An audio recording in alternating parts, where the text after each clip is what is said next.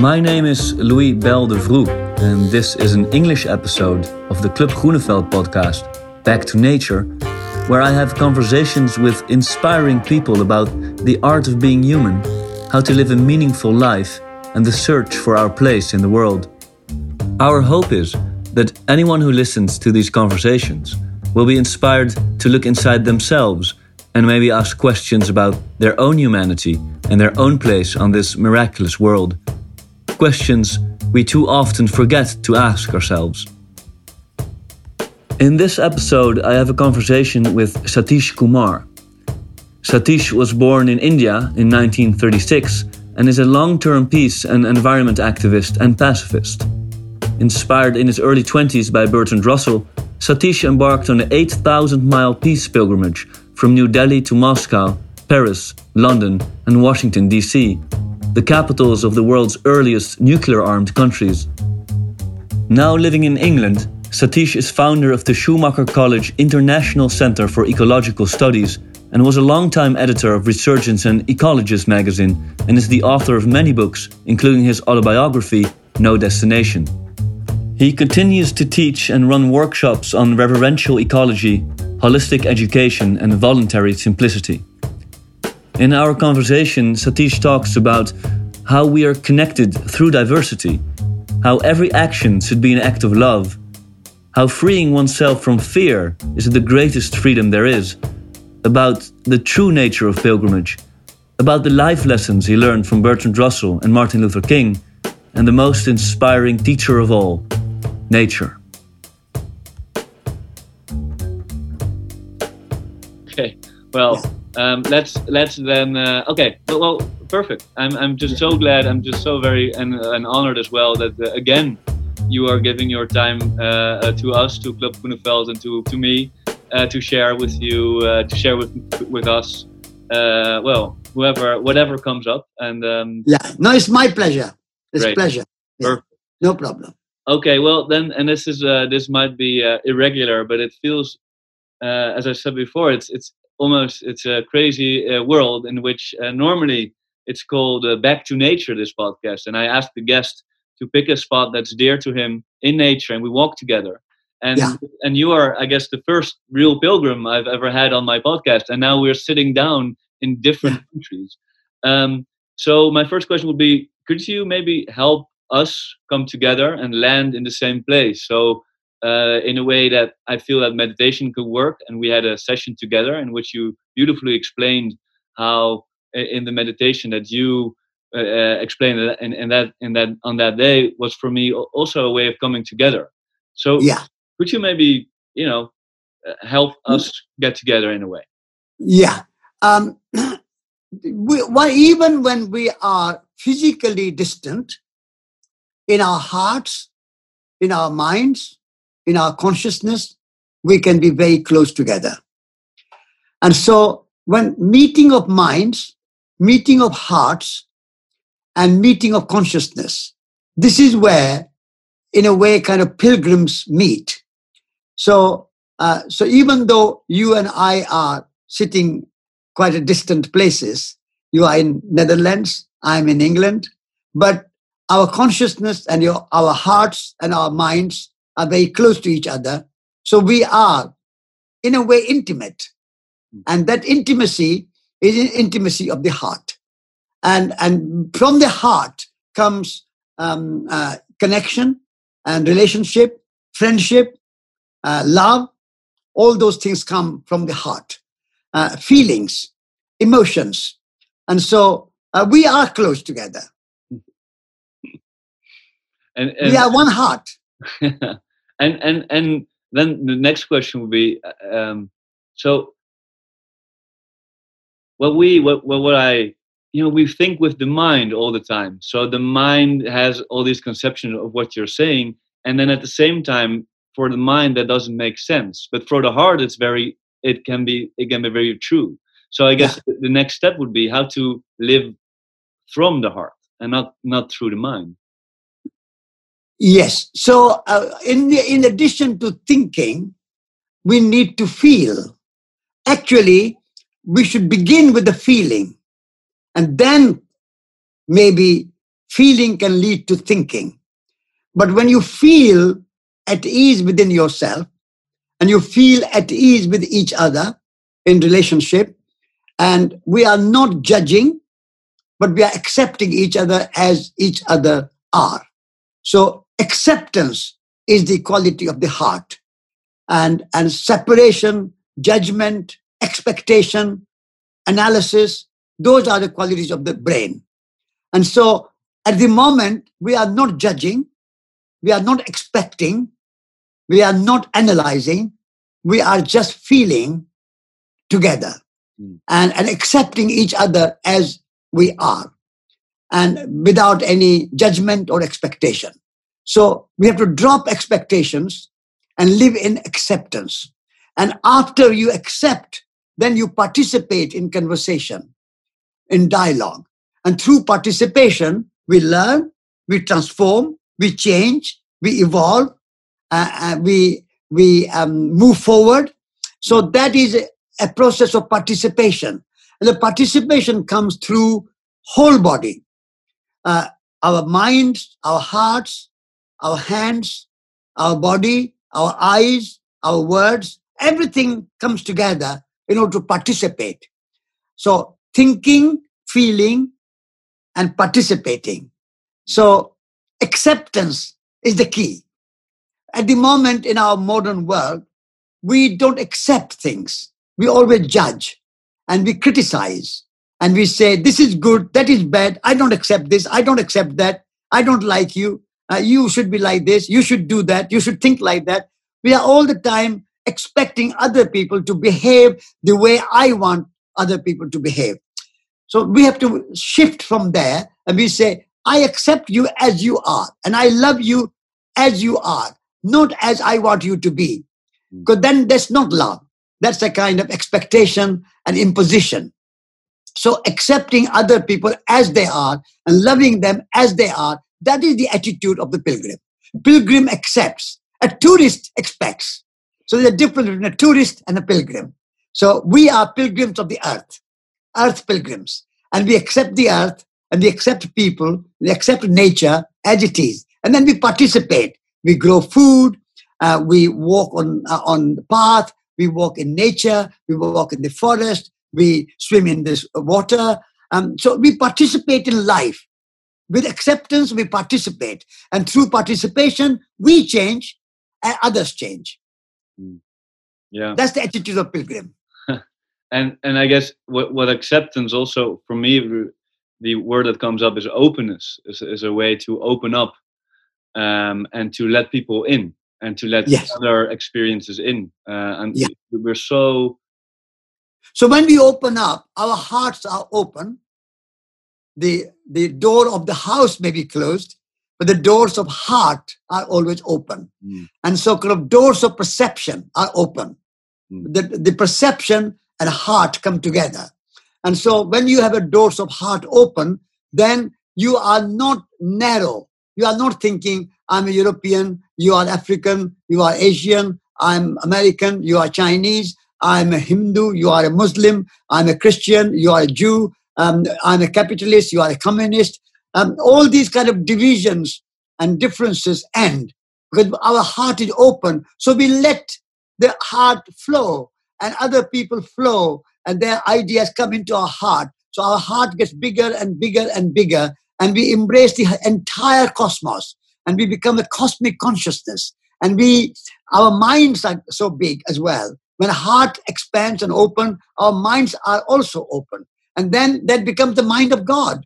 Um, mind of God is not something separate from us. Um, the moment you include everything, the inclusivity is the mind of God. Inclusivity is the opening of the heart. So include everything, exclude nothing, because we are made of everything. We are made of the sun, the moon, the rain, uh, the, the earth, the soil, um, our ancestors, our parents, earth, air, fire, water, consciousness, everything is made. So we are made of the cosmic forces. And so uh, we are cosmic beings. See, uh, cosmos is our home. Um, uh, cosmos is our country. And, but we are rooted in a place like where you are. You, your feet are there. So you are local as well as universal and cosmic. So our body is in a way, our feet are rooted in the soil and we garden there, we cook food there, and we have friends there, we have parents, we have a, we have uh, children, we have family. Uh, so there's a rootedness, local uh, community. But our minds and hearts are cosmic and universal. So the values are universal, the spirit is universal. So with this combination of universal and local, mm. in that open heart acceptance works and it also opens well, it opens up a lot of questions. But uh, one of the the things that it reminds me immediately of that, that there's uh, diversity, uh, but in diversity there's also a universal ground. So uh, everyone is different, but also they're connected in a deeper sense. And the more we can also celebrate diversity, um, we find that everyone can find his own way in life uh, within the bigger scheme of life. Because it doesn't mean it doesn't mean diversity doesn't mean that everyone is is disconnected at all. I think. No, no. Through diversity, we are connected mm. because we all come from the single source. The origin of the entire cosmos is Brahman in Sanskrit, uh, Big Bang in scientific language, uh, evolution. So at the beginning of time, Brahma or the Big Bang is one. There's no ocean. There's no mountains. There are no animals. There are no forests. There are no humans. Um, just the Brahman is the kind of um, openness, open heart, open mind of divine presence, Big Bang. Then evolution works hard to create diversity. So evolution favors diversity.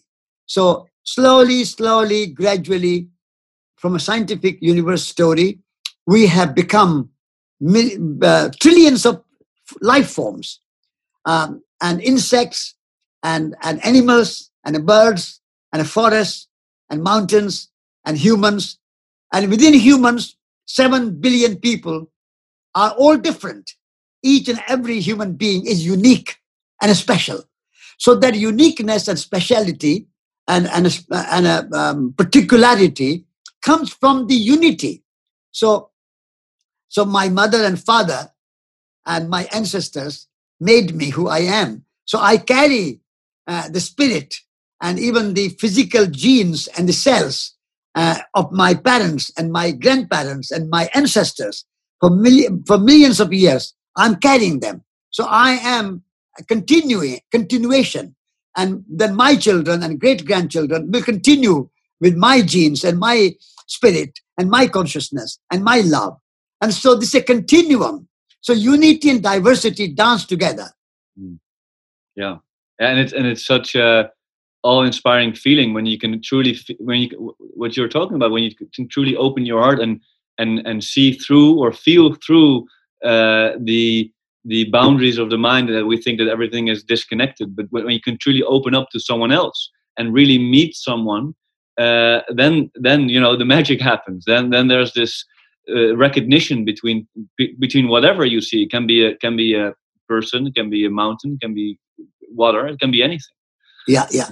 So the old science uh, and old philosophy, like Rene Descartes, uh, the French philosopher, and and Newton and uh, Francis Bacon, all these scientists um, separated and the mind and matter separate, body and mind separate, uh, nature and human separate, um, uh, country separate, uh, religion separate. So this dualism and separation has created conflict and created tension and, and leads to war, leads to exploitation, uh, leads to exploitation of women, exploitation of black, exploitation of peasants, exploitation of farmers, exploitation of cheap labor, so these are all caused by this dualism, separation, disconnection. And that has been in the philosophy of, um, we can say, mostly Western philosophy, uh, Cartesian philosophy in France, but also in other places, um, uh, uh, mechanistic thinking and seeing that nature is a machine, uh, earth is a machine, it's a dead rock, and, and, and people are separate, there's no connection. So this has led to so many conflicts and wars and tensions and creates more anger and more fear and more mistrust among people. So when we shift from that uh, consciousness to a consciousness of unity and diversity dancing together, then we say, yes, this is diversity to be celebrated, but we are uh, beyond this diversity, there's a unity. We all come from the same uh, origin and same source, and we all share same consciousness, and we share earth, air, fire, water, these uh, physical uh, elements, and also we share uh, the non-physical elements of spirit and consciousness. If we can have that understanding of unity of life, non-duality, and then we can celebrate diversity. Right, and and then it, it's all it's all about you know it's insight in in the self in, uh, of the mind. It, it, from this insight, you can you can experience that that it's actually true that the mind separates, but that there's a unity that's that's larger than the mind. Um, Absolutely. And um, I would love just to touch on, upon a, uh, on a few steps along your incredible way that, that you've walked and that you've walked through life and your journey that, that really touched me in reading your autobiography, uh, No Destination. And um, one of the things, and that you, you touched upon it as well, because uh, it's it's what you're talking about in, in your book and in your life, I guess, is, is not only about conceptual thinking or even more about about the living of the heart and in love, but also in how to act out. Uh, in in the words of, of, of the of Gandhi, of course, in his spirit, uh, uh, be the change you want to see in the world. Um, there were many many teachers along the way that you, that you've met, and one of the uh, teachers, I think, his name was Vinobi. Vinoba. Vinoba, sorry, yeah, Vinoba, and um, and one passage in your book just uh, it stood out for me when he when you were with him, I guess, uh, working on the uh, how to give the land back to uh, to to the lower castes. Um, he talked about you were confronting the landowners and you were trying to get them to have the insight of, of having them share their the the, the, the lands. Um, and some of them were very you know were tough and very very tough minded and then he he said something along the lines of uh, see you must you must look at every person as a as a castle or as a house or a, as a wall. And then in every wall there's a little entrance. Yeah. Could you could you maybe tell a little bit about that? Because for me that was that was such an uh, loving and compassionate way of looking at you know people who are not in uh, agreement with you. Yeah what Vinoba was saying that we have to bring about change in society by changing the hearts. Change of hearts is prerequisite, pre- is essential if you want to change politics, economics, social systems. If we don't change the heart and you change just a system, it won't last very long and that system will become corrupt again. Now, how do you change the heart? Because everybody has their own thinking, their own conditioning, their own um, um, way of uh, way of perception. So, um, so you have to find the key to the heart. So that way he was giving that example that if you are wanting to enter into a palace, now palace has a big walls all around but there are one or two doors to that big um, kind of parameter of a palace or a fort. And so you have to go along the wall, touching the wall, and keep walking, keep walking, keep walking with patience and with waiting until you come to a door and you feel the door and you say, Yes, this is the door. And then you look at the lock and there's a lock. And then you have to say, Who has the key? Maybe somebody there is a somebody who's a doorkeeper or the key keeper. And so you find that person and you get the key. And when you open the door and open the key then you can enter the big palace which has many beautiful rooms and beautiful furniture and a great garden and all the things are in the palace. But you have to find the door into the heart of that palace. So in the same way every human heart is a palace. And but people have put some barriers. They have locked their hearts. And because they want to protect themselves, they protect, they want to protect their wealth, they want to protect their ideas, they want to protect their prejudices, they want to protect their philosophy, mm, they want to protect their religion, whatever it is that they feel possessive. Say, I don't want um, somebody to change me and change my mind. But then you, when you enter the heart, then you can, uh, then you can appeal to that person's heart, and you can communicate, and you can be friendly and not a threat. You don't make them feel threatened. So this is a kind of action of love. So Vinoba was saying that every action should be an act of love. And you are you are not trying to change the world as a kind as if I know better than you. Uh, you are not good. You are wrong. I am right. Um, uh, I am good. You are bad, and therefore I want to change you. That is not the loving attitude. Your attitude should be an attitude of friend. So you come with love, friendship, and love, and you come that we will explore together how we can change together because I and you are not separate. So your change and my change go together. And so it's a kind of mutuality, it's a kind of reciprocity, it's a kind of togetherness. And that is the action of love. So if you go with that love and gratitude and humility, because if we say, you are right, wrong, I'm right, you are going through arrogance. Because you know I'm right, your religion is wrong, my religion is right. Your country is wrong, my country is right. Your uh, politics is wrong, my politics is right. Your economic system is wrong, my economic system is better. This is a kind of dualism, separation, and arrogance. So when you go with humility, then it's a heart opening. And, and humility is the key to the heart. So the key is a metaphor, the lock is a metaphor. So the key to everybody's heart is humility. So you go with a humble attitude, without arrogance, without ego, and say, uh, How can I be your servant? How can be your friend? Hmm. How can we work together?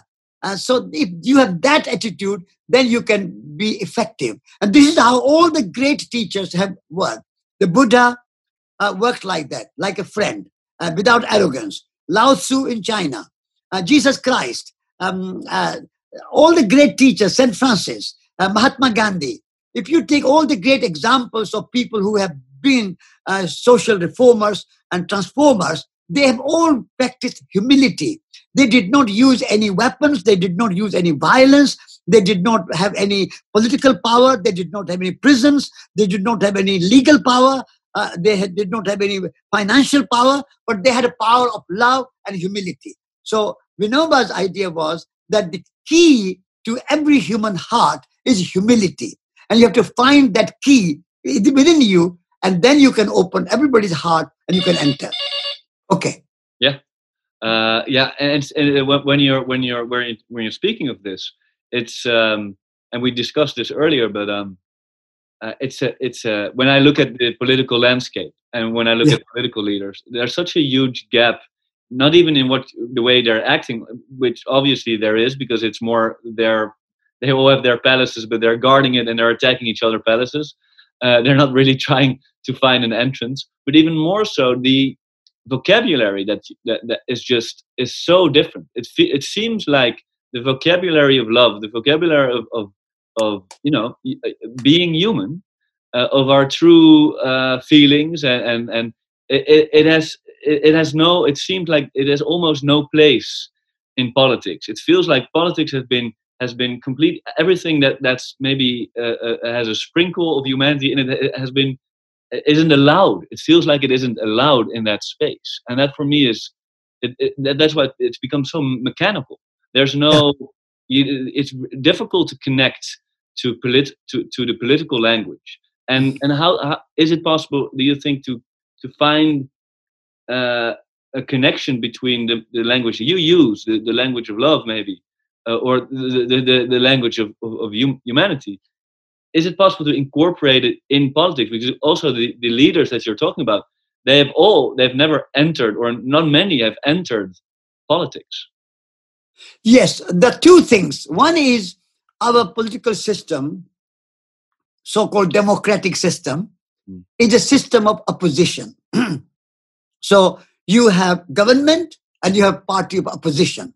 And opposition is a part of the government. It's a kind of, in England, we call it Her Majesty's opposition. Mm. So it's a government's opposition. And whatever government does, the work of opposition is to oppose and criticize and scrutinize. So this is a kind of dualistic and, and a kind of oppositional political system. We need to come to a more consensual politics. In consensual politics, uh, all members of parliament work together and say we need to find a consensus where um, uh, without party politics, without separation, without division, we discuss and see what is best for the country. And everybody is thinking not best for my party or best for my um, uh, particular section uh, of, uh, of politics, but for the whole country, for the whole people, and not only country, but the whole Europe and whole world. Um, what is good for the planet Earth? That kind of thinking uh, has to come. So this was, in a way, um, it's, it's not easy because our politics is so entrenched, and we believe in this opposition, and we believe in this uh, judgmental politics, and all the media is also always looking bad things. G- good news is not news. Only bad news is news. And so, uh, whatever government does, the media and the opposition party will always look what is wrong in it, what is a hole in it, what is a what is this where we can criticize, how can we present it negatively. This kind of attitude leads to conflict and leads to division and not celebration of diversity. And therefore, we have to go a long way. This is very not easy all over the world this so-called democratic system is a system of uh, division and separation. We need to find a way of consensual uh, politics where people work together for the better, for not for their ego, not for their power, not for their prestige and, and a position. I'm prime minister and you are nothing. But we are we are all together in this work and we are in the service of humanity, in the service of the planet Earth. That's a very different kind of politics. And I don't know where we, how we start with it. Hmm. Maybe we can hope that, like in Switzerland, there is a much more uh, decentralized politics. You never know who is the prime minister. You never know in Switzerland who is the president. It's all canton make a lot of decisions locally. And a decentralized system. So that could be a good model, uh, the Swiss model, where power is decentralized. Economics are also decentralized, more local power, local economy, uh, local um, needs, and people looking after each other at a local level, so that you don't have so much central power in Brussels or in uh, in um, uh, in the Hague, Hague, or in London or Moscow or or Washington or New Delhi or Beijing or Tokyo or the big big centers of power. They should be decentralized so that's the ideal, Gandhian ideal, uh, that we have a, a, power in the hands of people rather than power in the hands of political parties. And, and, and so if we can develop that like a Swiss model, I would say, uh, uh that will be good. But at the moment, even in Holland, which is a small country, you have quite a lot of opposition and quite a lot of conflict. Uh, and people never uh, come to a consensuous um, decision that what is good for the whole country and not for the party? That's a big question. Yeah, and and and I guess uh, absolutely, and um, and I think the the theme of decentralizing and uh, is something I will I will uh, come back later to because I, I, think that also has to do with Schumacher and and and in your in your traveling and in your life there are many places you touched. Uh, but before I'll ask about that because I'm very curious. Um, just two more things that I'm just now that I that I'm speaking with you there are two more persons that you met. Uh, one was Bertrand Russell, who inspired you uh, in the first place to to set yeah. up on a journey, and and then in England, obviously, uh, and and after that, you you also met Martin Luther King.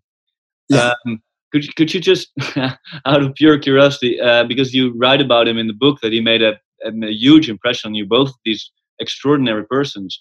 Um, what what what part of, of their humanity what part of what what they were doing what touched you what was the what was it what touched me about bertrand russell was that at age 90 he was fearless and he was prepared to go to prison for peace in the world for nuclear disarmament and he was even though he was 90 years old and he knew that in few years he will be gone why should he worry uh, he should um, be retired and he should relax and enjoy his life. But no, fearlessness and his commitment and dedication for the well-being of humanity and his uh, his commitment that it's not just me my generation. I have to make sure the future generations the coming generations are looked after and their well-being and their uh, good society and good life is secured and maintained. And therefore somebody like bertrand russell thinking about the future generations this was a very impressive because most people think of themselves or their children, maybe their family, but they don't think about the future generations to come. So this kind of old man of 90 years going to jail and, and, and thinking about the future generations and thinking about peace in the world, that was so inspiring. And he was a mathematician. Uh, he was a Nobel Prize winning uh, uh, philosopher. Um, uh, he was a Lord Russell. He had a good prestige. He came from a very aristocratic family. And yet, he was prepared to take uh, hardship upon his life and go to jail to make a point that we cannot afford to have nuclear weapons in the world and we cannot afford to have wars in the world. We have to create a world of peace and, and disarmament. And so that was so inspiring. And so that I, when I was only 26 years old, when I heard about him and read about him, I said, here's a man of 90 going to jail for peace in the world. What am I doing a young man of 26 sitting here in a coffee house drinking coffee. Um, so um, at age 90, he was a man of young heart. And, and I, at age 26, was doing something like a, a age 90, uh, old, old heart, an old man. So I wanted to change that. I wanted to become a young uh, of my age. And I wanted, this is why I decided, inspired by Bertrand Russell, I decided to walk for peace in the world from New Delhi, India, to Moscow and to Paris and to London and to Washington, D.C. to protest against the nuclear weapons in support of Bertrand Russell and joining the movement for Bertrand Russell. So, so men of that age, of that caliber and that talent and that intelligence and that wisdom and uh, having that courage, courage was the key. Uh, the fearlessness was the key. That was the most inspiring. Most people are full of fear. They don't want to bring any discomfort to themselves. They, they are too worried about anything going wrong. But Bertrand Russell was completely free of fear. And the freedom from fear is the greatest freedom. If you can have freedom from fear, then there's nothing in the world that you cannot do. Everything which stops us doing because we are too afraid. We are too afraid to take any risk. But uh, Bertrand Russell was prepared to take a risk in his life of every kind. So what I learned from Bertrand Russell, the greatest lesson of my life is freedom from fear. And it's, it's, and then then Martin Luther King, hmm. that was another great example. Um, when in August 1963, he marched to Washington and made a great speech. I have a dream when black and white people can walk together as brothers and sisters. I have a dream when white people are not exploiting the black and discarding them and keeping them separate from their schools and, and their uh, restaurants and their hospitals. This kind of uh, segregation will end. I have a dream. And that dream was completely based in nonviolence and love. So I was uh, so inspired by that speech. So when I arrived in uh, America, I wrote to him and I said that you have a great dream, but I have a small dream. And my dream is to meet you and be inspired by you. And he was so humble and so kind and, and so prompt that he immediately answered my letter and said, Yes, come see and see me. I'm very inspired by Mahatma Gandhi. And I'm inspired to hear your story that you have walked all the way from India to America without money, on your two legs, two feet. And therefore, I'm very inspired by your story. So come and see me and tell me your story. He was so humble. And so I went to see him and he was sitting um, uh, in his uh, um, office, and there was a, a, Mahatma Gandhi's picture on the on his back or behind him on the wall, and and um, he said, "What I learned from Mahatma Gandhi is that non-violence is not only a way of protesting against injustice. Non-violence is not merely a way of resistance. Non-violence is a way of life, and we have to be the embodiment of nonviolence. And nonviolence is not physical nonviolence, but even nonviolence of speech, nonviolence of thoughts. Even if we have a violent thoughts and violent speech, that is damaging.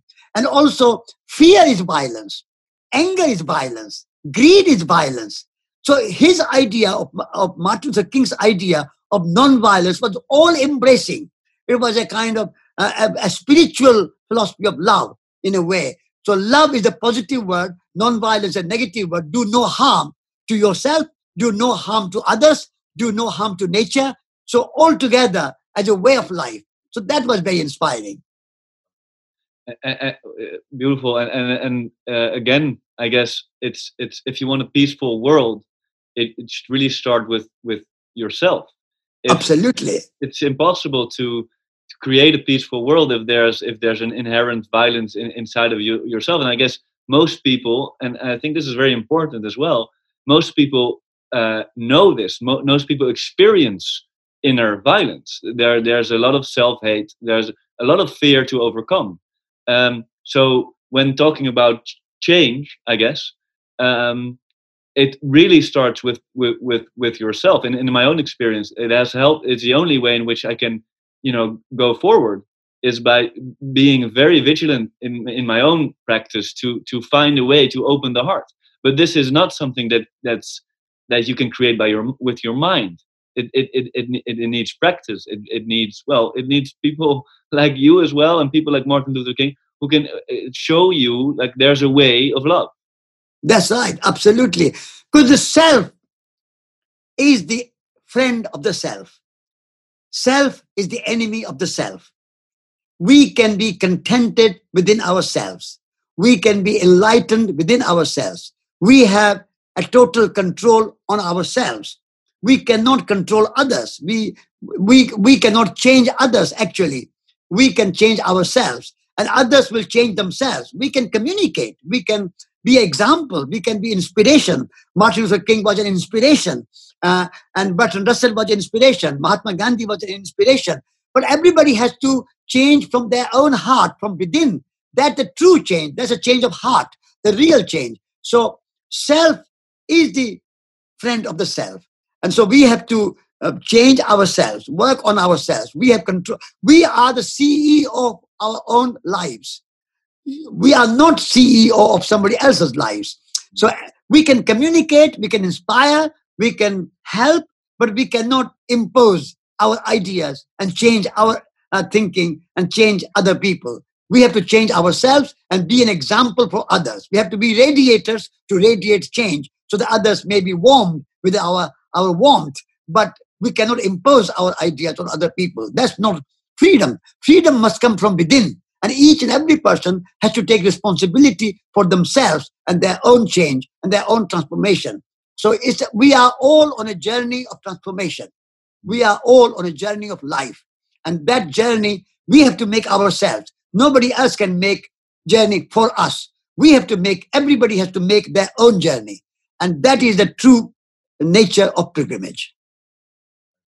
And, and I and I, I love the expression of um, how to find your own journey is to really be you know to be to, to have attention on your own experiences and to i like the expression to follow the thread. There's this thread if you really pay attention to your own life and you start seeing it mostly in my life when i got older than 30 years old i could see themes coming up and i could see you know the points in life where i got a lot of energy and stuff that were weren't giving me energy. And it takes it takes a little bit of courage actually to say no to the stuff that doesn't give you energy because oftentimes the outside world will put up on you and say no but you should do that however your inner compass uh, shows shows the way. It, it needs some uh, you know it, it needs some attention. But uh, absolutely you, and then and then you will find uh, it's possible to find this this journey. And um, uh, being mindful of your time there there are two more themes i would like to touch upon if that's okay with okay. you. Okay. Okay. Um, one is is uh, it seems like a paradox but it's just it, it keeps coming up in your in your in your book. It's also called no destination. However um, in your book there are many destinations you reach which have a special meaning to you which where you resonate. One of the let me just look it up because i i just yeah one of the i'll just can i read just one because it really touched me how place can be something that that well it can be it can resonate with with your own being. And one of the places you were was benares or benares? Yes benares. Benares and, and you and you write benares was a mysterious city the more i lived in it the more i liked it. It was a city where nobody hurried. I lived in a house in a narrow alley where only pedestrians and cows were able to wander in this old city. I i felt all around me a sense of timelessness. Life seemed as if it might have been a thousand years ago. And, and this touched me because it, it also reminded me maybe as a blueprint or, or a seed for Schumacher. It reminded me of a couple of places, of a stupa I was in Myanmar, where there was silence and, and, and, and nothingness or stillness, a home of great stillness. And yeah. um, um, I was I was looking at your life. There, I was wondering about the seeming paradox between moving like a river and flowing like a river and and and always being at home in your journey uh, and also finding the very big need that every person feels at, at, creating a place that's for you a home yeah and how how do these relate in your opinion in your life no it is a paradox but there is a a kind of you can say that in your mind in your consciousness you are not attached with anything. You have a sense of detachment. So you can flow like a river without being attached to any one place. Like a tree grows into the sky, it's not attached to the soil. And yet it is rooted in the soil. And also the river is also rooted in the soil between the two banks, from the source to uh, the, uh, the sea, always there. All the great rivers are there all the time. So they are flowing and they are there at the same time. River is at home uh, in uh, its own place and yet is flowing to the sea. And, and all the time, new water is coming in. But the river remains within the two banks in that one particular place forever, for thousands of years. And so, uh, so there is no contradiction between being rooted and being flowing. So I am rooted in myself. And even now, I have lived in, um, in of course, in Varanasi, in Benares. I lived uh, for a long time, and, and, that was a great sense of place and, and a sacred space. Uh, it's a very uh, kind of beautiful place uh, where the river Ganges flows. And so I was all the time going and swimming in the Ganges or going over a boat on the Ganges. And so, um, and there were beautiful temples there and, and lots of flowers and lots of um, farms and lots of good food and lots of beautiful mangoes. And so I had a tremendous sense of place and sense of love and rootedness in, in Benares. But also now I'm in England and I have lived here for 40 years and have a garden and I have two acres and I have 15 uh, apple trees and I, I, I make juice with apple juice I make. And so all these uh, being rooted in a place and yet, in your mind, in your heart, in your consciousness, in your ideas, you are not stuck. You are not attached. You are free in your heart and free in your spirit and free in your mind and consciousness. So, freedom and being rootedness are not contradictory. They have a, they have a paradox, but not a contradiction. And you can be both. You can flow uh, and be like a flower in, in the pond, uh, a water lily or a lotus is in the water, but not off the water. It never drowns in the water. It's rooted in the water, but if the water rises, it also rises. And this way, you can remain detached and remain flowing, and yet you can be loving and rooted in your place. And then, and then for for the just to build the bridge, and, and you've touched upon it as well is uh, is the the importance of nature in your work and in your life, and and how you know it's a teacher. And um, um, I was just wondering. This is usually my first question because usually, as I as I explained, we normally are in the same place, and and it's a place the guest picked. So now I'm curious uh, if I were uh, if I were to to be in, in England and you could pick any oh no not, let's say not even England you could pick any place to to walk with me and to have a conversation. What what, what place would you pick and why? I will pick dartmoor. Dartmoor is in Devon, uh, in England, and the, and the Dart River comes from Dartmoor. And, and Dartmoor is very wild, and it has some, some spots, very beautiful um, river valley, uh, the Dart Valley, and also very beautiful uh, wood, woods, oak woods, and surrounded by rocks. And so, uh, whenever there is a moment, particularly with Schumacher College students, I take them to Dartmoor and I walk on the wild and uh, hilly. So we go up and up and up and on the uh, kind of rocks, uh, the uh, mounds of rocks. And, and, so valleys, rocks, woodland, uh, river, valley, uh, and, and hills, all landscapes are there. And so for me, nature becomes my pilgrimage. Nature becomes my church or cathedral or temple or mosque. When I go and lie down under the tree on the Dartmoor in this wild place, all my anxiety and fear and anger and worry disappear. I can, even my despondency, even my kind of despair about the world and all the problems of the world, like climate change and coronavirus and and all the kind of problems that world faces today. For that moment i am free. So lying on the on the rocks or under the tree or on the grass on dartmoor in the wild place that's my home. That's my religion. That's my temple. That's my meditation. Uh, my mantra is dartmoor the moment i think of dartmoor i'm at home in the wild so I embrace the wilderness of Dartmoor. So nature is my true um, religion. Nature is, for me, God is not somewhere away behind the clouds uh, controlling the world. God is in nature. Nature uh, and God are one. And so that sacred nature, the divine nature, is what most, insp- and that keeps me alive. And whenever I need some nourishment, I go in nature. My soul is nourished my spirit is nourished, my mind is nourished, my body is nourished. I feel full of inspiration. Even, I mean, I was inspired by Vinoba, by Bertrand Russell, by Mahatma Gandhi, by Martin Luther King, by John Byers, by Mother Teresa. But these are the human, uh, human inspirations. But even greater inspiration for me are trees and Dartmoor and, and the mountains. I walked on Mount Kailash in Himalayas those are the other inspirations for me in my life.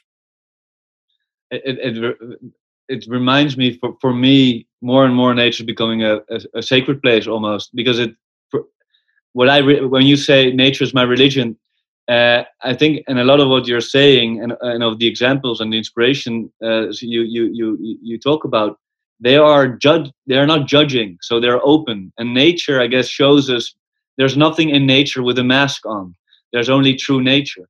And it exactly. doesn't judge you it doesn't it doesn't think of you anything. And it actually in, in that way is an example of a of a no dogmatic or undogmatic world in which we actually live.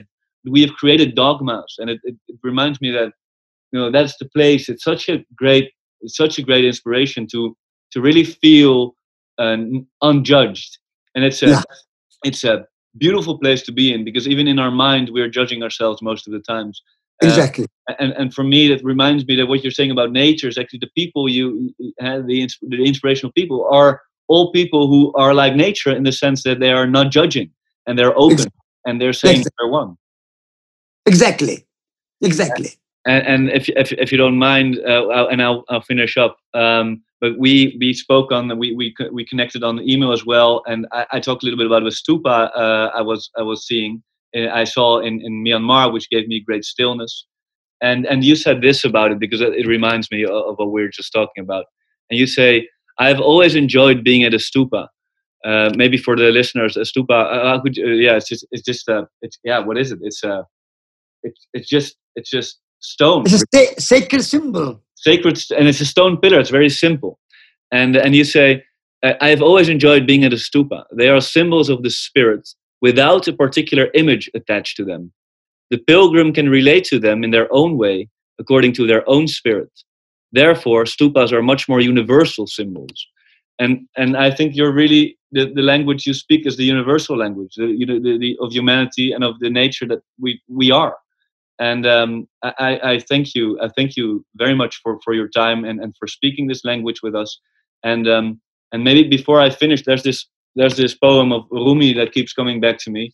Uh. I keep I don't know. I just have to share it with everyone I, I, meet, and especially with you because it's in in the same well in the same spirit. I think. Yeah. Um, yes. I will read it. Could you maybe just af, af, just give us uh, uh, you know what it what it means to you, what what you hear, and then yeah. Could you join me or or uh, join me in, in in finding a way to in stillness uh, you know be together for maybe a, a, couple of moments more? Yeah. Okay great. It's called um, a community of the spirit. There is a community of the spirit. Join it and feel the delight of walking in the noisy street and being the noise. Drink all your passion and be a disgrace. Close both eyes to see with the other eye. Open your hands if you want to be held. Sit down in this circle. Quit acting like a wolf and feel the shepherd's love filling you. At night, your beloved wanders.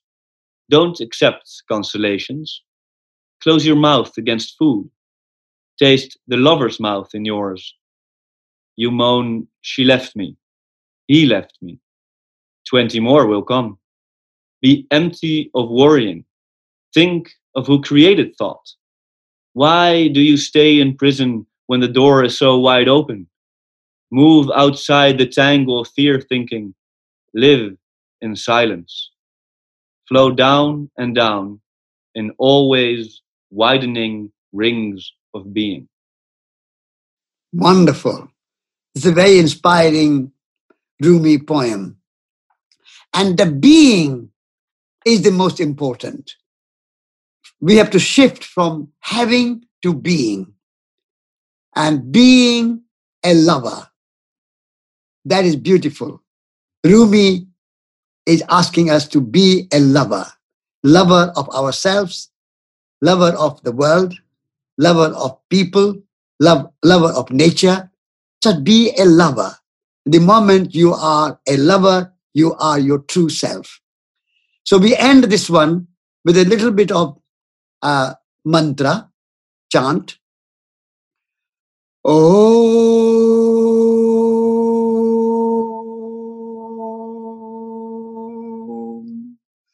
Shanti. Lead me from death to life, from falsehood to truth. Lead me from despair to hope, from fear to trust. Lead me from hate to love, from war to peace. Let peace fill our hearts, our world, our universe. Peace, peace, peace. Oh,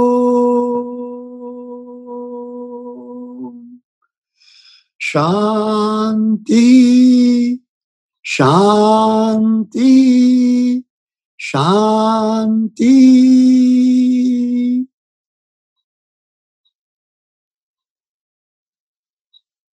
Thank you. You have been listening to an English episode of Back to Nature, the podcast of Club Groeneveld. With special thanks to Satish Kumar, Elaine Green, Martien Groenendijk, Ivanka Houterman, and Marcel Tjepkema. Want to know more or join one of our programs? Follow us at Instagram, LinkedIn, or Facebook, subscribe to our newsletter, or visit us at www.clubgroeneveld.nl.